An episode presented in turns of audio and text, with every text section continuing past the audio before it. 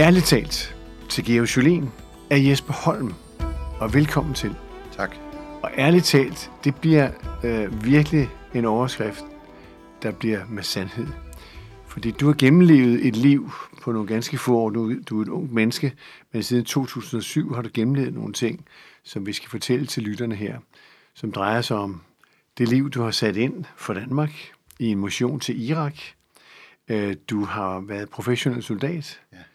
Men øh, det endte jo også med den ene og den anden og den tredje diagnose, og du endte i afhængighed af både alkohol, Primært stoffer, Stoffer, og alkohol ja. som en afledt effekt af det. og du endte også som kriminel, Ja, og du endte også i fængsel. ja. Og du har kaldt de foredrag, du holder ude i landet, fra udsendt til indsat. det er rigtigt. Hvor lang tid sad du inde? Jeg var så heldig at slippe med fire måneder. Ja. Jeg fik en behandlingsdom. Okay, okay. Så lad os tage fat på den, fordi det er, det er et af de der tabuemner, man ikke taler så meget om. Når vi hører om mange af de soldater, som vi sender ud på landets vegne, mm. så ved jeg, at mange kommer tilbage og ikke har det godt. Ja. Mange bor ude i skoven og alle andre ting. Hvad tror du, det skyldes? Du må jo kende til det siden, du, og så skal vi tage din egen historie om lidt, mm. men du må jo kende til det siden, at du er klar over, at det her, det er normen. Ja. Jamen, det, det skyldes jo nok, at man, øh, eller vi som mennesker, øh, ikke er gearet til den øh, stressbelastning, det er at være i et missionsområde og blive beskudt og føle frygt for eget liv. Nogle af os er, er psykisk stærkere end andre er, og nogle af os kommer hurtigere på fod igen efter at være faldet. Dem, der ender ude i en skov, de... Jeg kender ikke nogen, der selv gør det. Jeg kender nogen, der har været på grænsen til det. Men er der ikke noget, det siger i hvert fald mig noget, ja. At det burde være sådan, at når man bliver sendt ud, så bliver man også fortalt de risici, der er ved ja. At komme hjem. Det gjorde vi også. Vi fik en, øh, en, en risikobriefing, øh, jeg kan huske, en måneds tid før udsendelsen, øh, hvor de fortalte os, hvad vi kan forvente. Altså trusselsbilledet, hvad har fjenden af intentioner, hvad har de af våben, hvad gør de, hvis I, øh, i bliver taget til fange, altså conduct after capture, øh, hvor de beskrev ganske præcist, hvordan vi skulle forholde os, hvis vi blev taget til fange. Og det sætter nogle tanker i gang, men man skal jo også huske på, at, at øh, mange af dem, der bliver udsendt, øh, er jo utrolig unge mennesker. Jeg fyldte 22, øh, da jeg øh, øh, var på missionen dernede. Nogle var yngre end det. Der er du bare mentalt ikke særlig øh, færdigudviklet, specielt ikke som mand. Øh, der er vi stadigvæk nogle år tilbage. Så øh, vi får et trusselsbillede, men vi skubber om i baghovedet, fordi vi er jo øh, verdens hersker. Vi kan gøre, hvad der passer os, og vi kan komme igennem det hele. Det tror vi jo på. Det tror vi på, ja. Det tror vi på. Ja. Men det er et falsk billede, vi, øh, vi, vi bygger op der. Er det for tidligt at komme ud som 22-årig? Ja, det er det i princippet nok. Øh, det skal være en individuel øh, vurdering, øh, men det ved jeg ikke, om forsvaret har tid eller ressourcer til at gøre inden en mission. Det er nok for tidligt. Men jeg mener, I kommer ud på Danmarks vegne Ja, og skal forsvare NATO's og, og, og Danmarks farver, ikke? ja. Øhm, der burde jo også ligge et eller andet fornuftbegreb i, at de er modne nok til det her. ja. Taler man om det? Nej. Man kan sige, øh, der er jo en proces fra den dag, du starter din værnepligt. Øh, bliver du jo vurderet hele tiden af dine overordnede og dine fortsatte. Øh, og det fortsætter igennem din reaktionsstyrkeuddannelse, som er den, du skriver under på efter værnepligten, hvis du gerne vil udsendes. Foregår hele tiden en evaluering. Og bliver man vurderet til at være uegnet, så kommer man ikke med. Øh, det er klart. Men øh, jeg tror, der skal okay meget til, før man bliver vurderet uegnet. Altså set i bagspejlet, var du så egnet til at komme ud? Ja, det var jeg. Også på trods af, at du har fået de kriser? Nej. Ser man de to ting adskilt, Ja. ja. det kommer vi ind på om et øjeblik jo, ja. men, men, øh, men det, nej. Øh, ulykken, som jeg fortæller om et øjeblik, øh, tager man den fra, øh, og ser mig som det menneske, jeg var inden da, så var jeg øh, klar, absolut. Mm. Øh, Ja, for der sker en ulykke i Oksbøl ja. Ja. på et tidspunkt. Fortæl om den. jamen, der er øh, tre uger inden vi skal øh, udsendes, er vi på en afsluttende øvelse, en sådan 14-dages øvelse over i Oksbøl, sammen med alle de andre enheder øh, fra forsvaret, der skal udsendes, sådan, så man kan lære at arbejde sammen. Og øh, en, øh, en rigtig kedelig våd eftermiddag, det var den 17. januar. Øh, der er vi på en, en øvelse, som ender øh, helt galt. Der bliver afvidet fra den øh, øvelsesplan, der ligesom var, var lagt, og den gennemførelse eller gennemøvelse, øh, vi havde lavet med løs ammunition, inden vi skal øve den med skarp ammunition, Øh, der, der afviger nogen fra planen, øh, og det resulterer i, at jeg kommer til at skyde øh, to af mine kollegaer, øh, simpelthen. Øh, og den ene, den ene afgår ved døden, øh, faktisk med det samme, øh, og den anden overlever øh, kun lige takket være nogle, nogle dygtige læger og en masse operationer. Ja. Hvad følte du der? Jeg, jeg var ganske tidligt øh, på den her dag her, var jeg godt klar over, at øh, efter ulykken var indtruffet, var jeg godt klar over, at det var mig, der havde skudt. Vi var flere, der skød i retningen af, af de her øh, kolleger. Vi vidste simpelthen ikke, de var ude i målområdet. Vi anede ikke, de var der. Jeg tror ikke selv, de var klar over, at de var lige foran de skiver, vi skulle skyde på. Øh, men i og med, at jeg igennem mit eget kikkersigte på maskingeværet så nogen lige pludselig stå og vinke med armene ude i målområdet, så er jeg godt klar over, at jeg i hvert fald har skudt præcis i den retning der. Så ganske hurtigt var jeg godt klar over, at jeg nok var skyldig i den her ulykke. Øh, og jeg behandlede selv den begge to. Jeg var sygehjælper også. Øh, dagene efter følte jeg mig simpelthen så tom, som man overhovedet kan blive. Øh, jeg mm. følte vidderligt, at livet blev suget ud af mig. Øh, jeg er en meget livsglad person øh, og positiv. Jeg var bare tom. Jeg lå, jeg lå i min seng på, på kasernen. Jeg blev på kasernen i Oksbøl øh, og skiftevis øh, spiste og græd. Jeg, jeg græd nok det meste af tiden. Jeg spiste mm. ikke særlig meget. Mm. Det gjorde jeg i tre døgn øh, hvor jeg samtidig blev afhørt af militærets jurister for at finde ud af, hvad der var sket. Ikke? Øh, jeg kan simpelthen ikke huske dagene fra hinanden. Øh, jeg bare, ved bare, at jeg var tom og ked af det. Rigtig ked af det. Knust indvendigt. Men var det din skyld? Nej.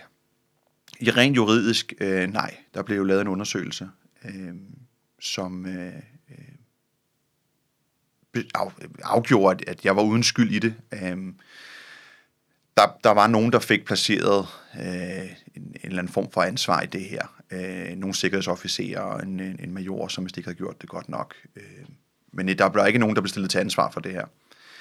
Men du følte moralsk ansvar? Jeg følte moralsk ansvar, øh, og jeg har i årene efter, øh, det her det var 2007, jeg har haft mange år til at reflektere over det her, og jeg har spurgt mig selv samme spørgsmål igen og igen og igen.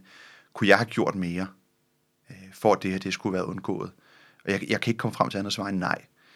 Øh, jeg havde den simple opgave på, på den kampvogn, vi sad på, at jeg havde sikringen bagud. Jeg skulle, jeg skulle sørge for, at der ikke var nogen, der kunne angribe os bagfra, selvom det var en øvelse.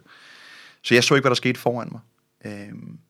Så da jeg kommer øh, ned i min, i min stilling øh, og skal lave den her øvelse her, så har jeg ingen anelse om, at der ude i terrænet har været en af mine kollegaer, en af mine andres, mine kollegaers kampvogne har gjort hold derude og sat nogle kollegaer af. Det anede jeg simpelthen ikke.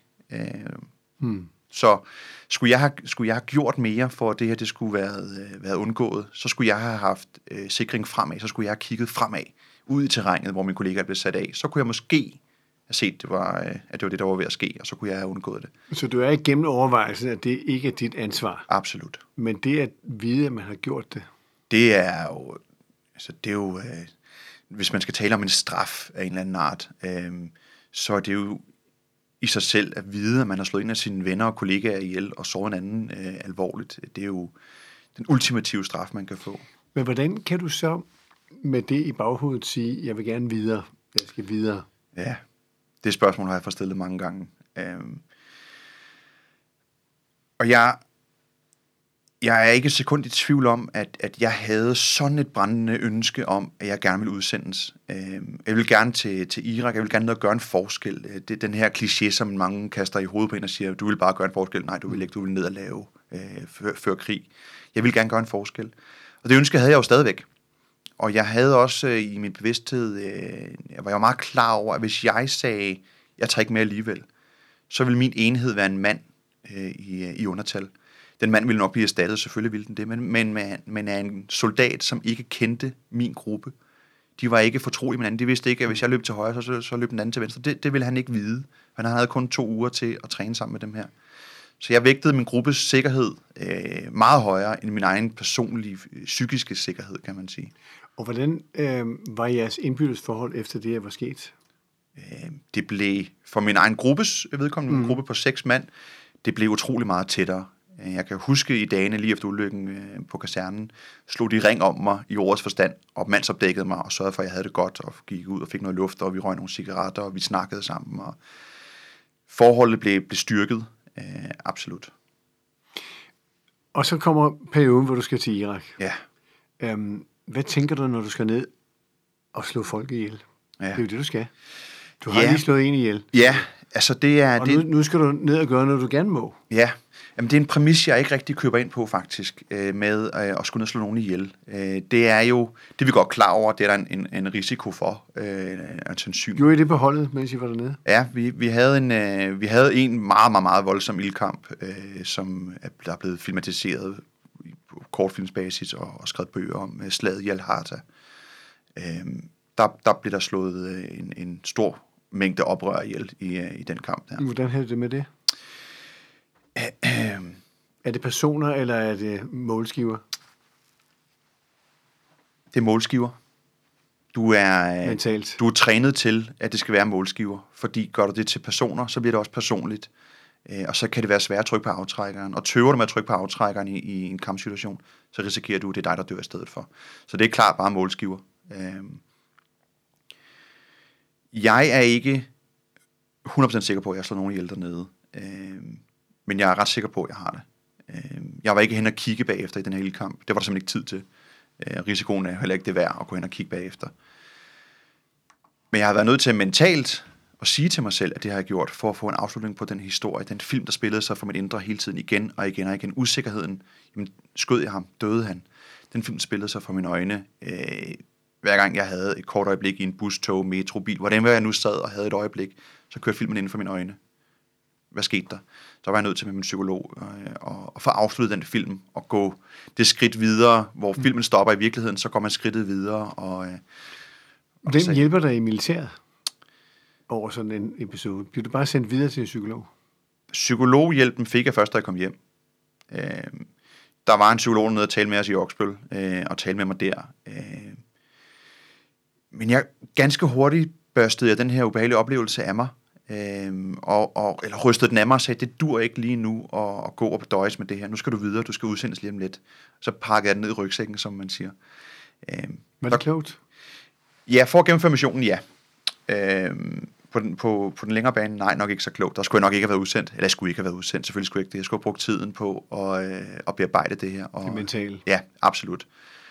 Øh, der kom en, en psykolog ned og besøgte os i Irak også, men det var ikke på grund af det. Det var på grund af, at vi blev øh, så hårdt beskudt, som vi gjorde dagligt, at vi var nødt til at, at have nogen til ligesom at, at lufte ud i ventilen. Ikke? Øh, men der fik jeg også lov at snakke lidt om, om den her ulykke her. Men egentlig havde jeg ikke behov for det. Jeg ville gerne have, at det blev holdt nede øh, i min rygsæk, indtil jeg kom hjem.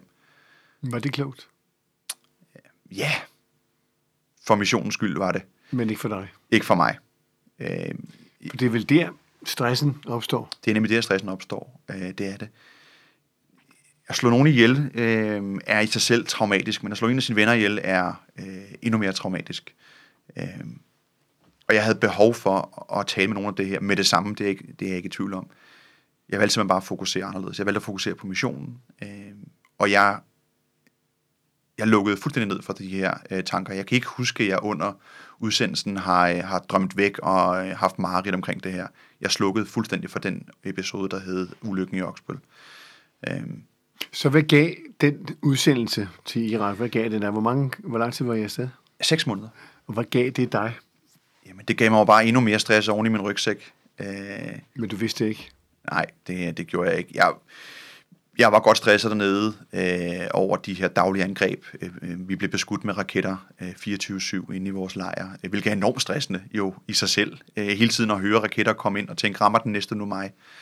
Men havde I ikke et sted, I skulle flygte til? Eller, eller gå ned? Jo, altså, ja. lejren er sådan set okay beskyttet med sådan nogle høje øh, øh, volde, kan man godt kalde dem rundt omkring. Ikke?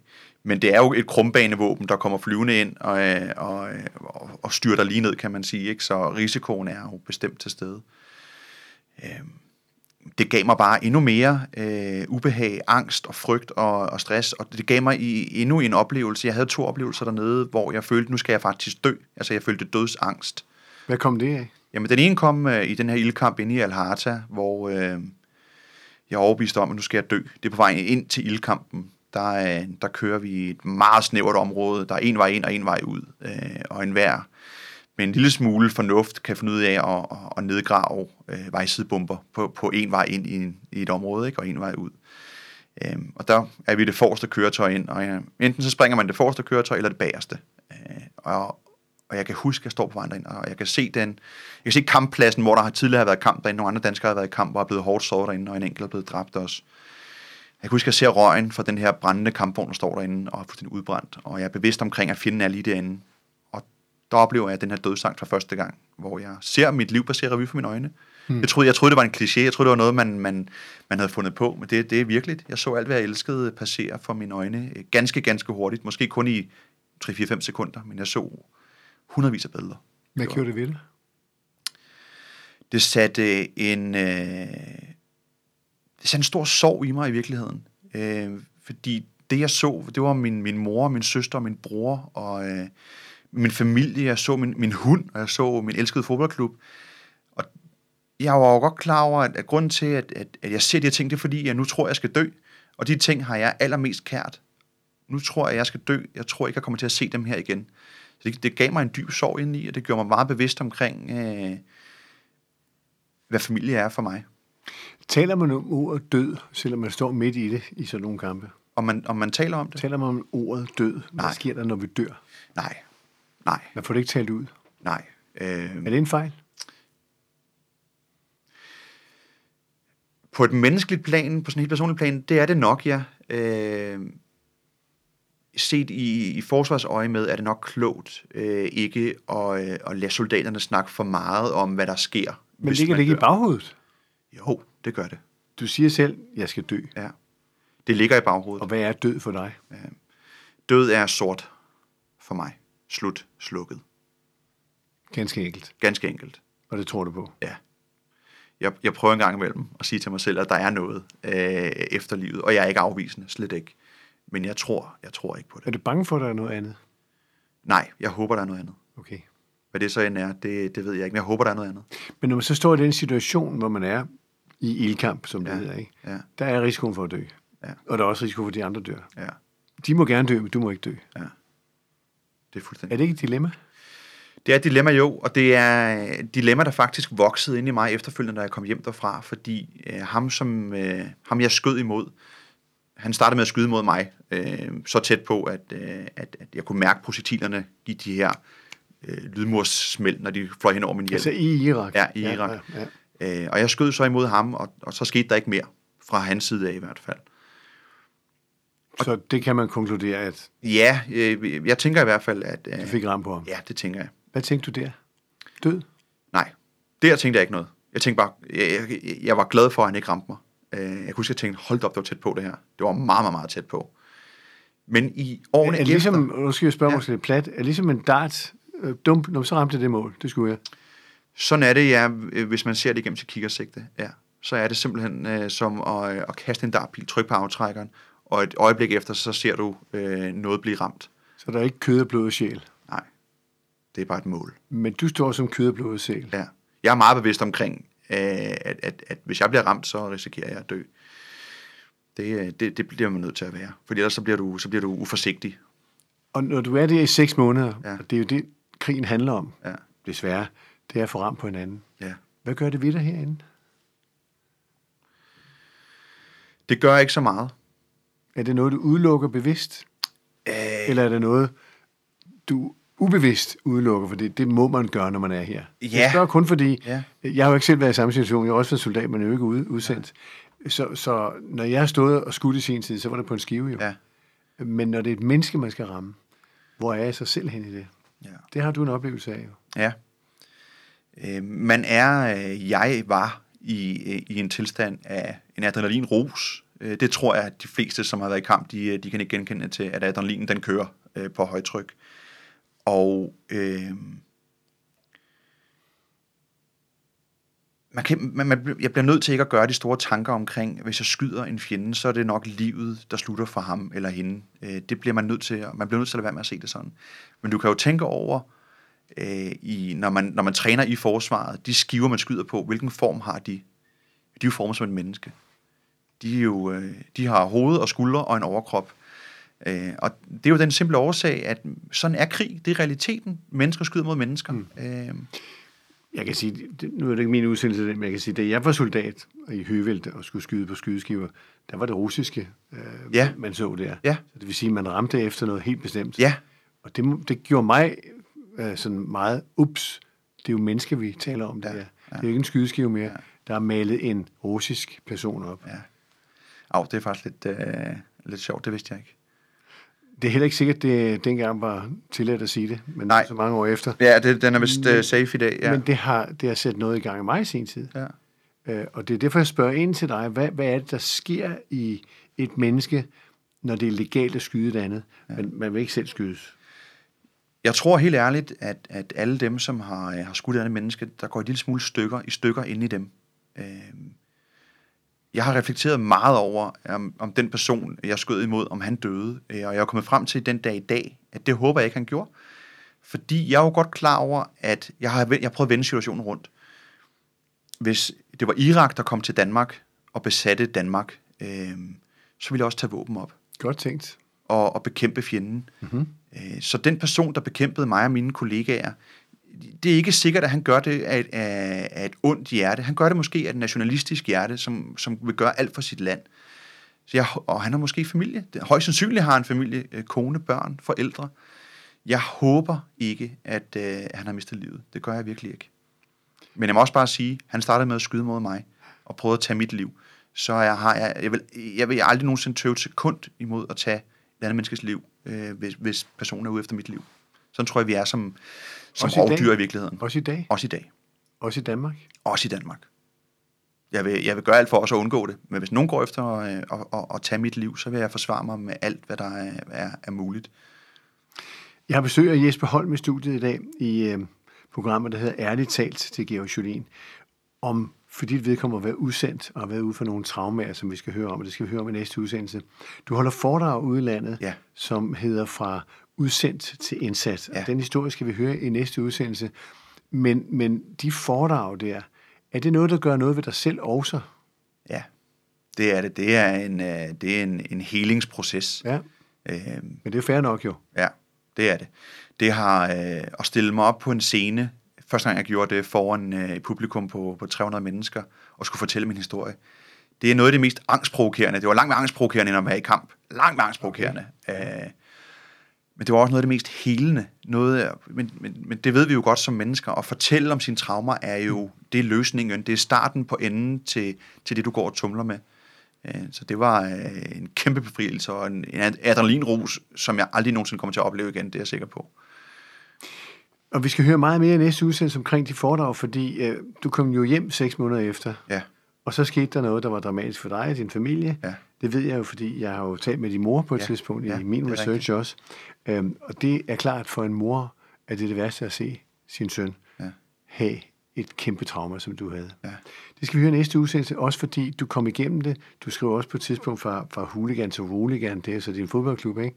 Så du har transformeret dit liv fuldstændig. Er det rigtigt? sige. Ja, det må man sige. Det, er- det har været en, en lang øh, og meget hård rejse.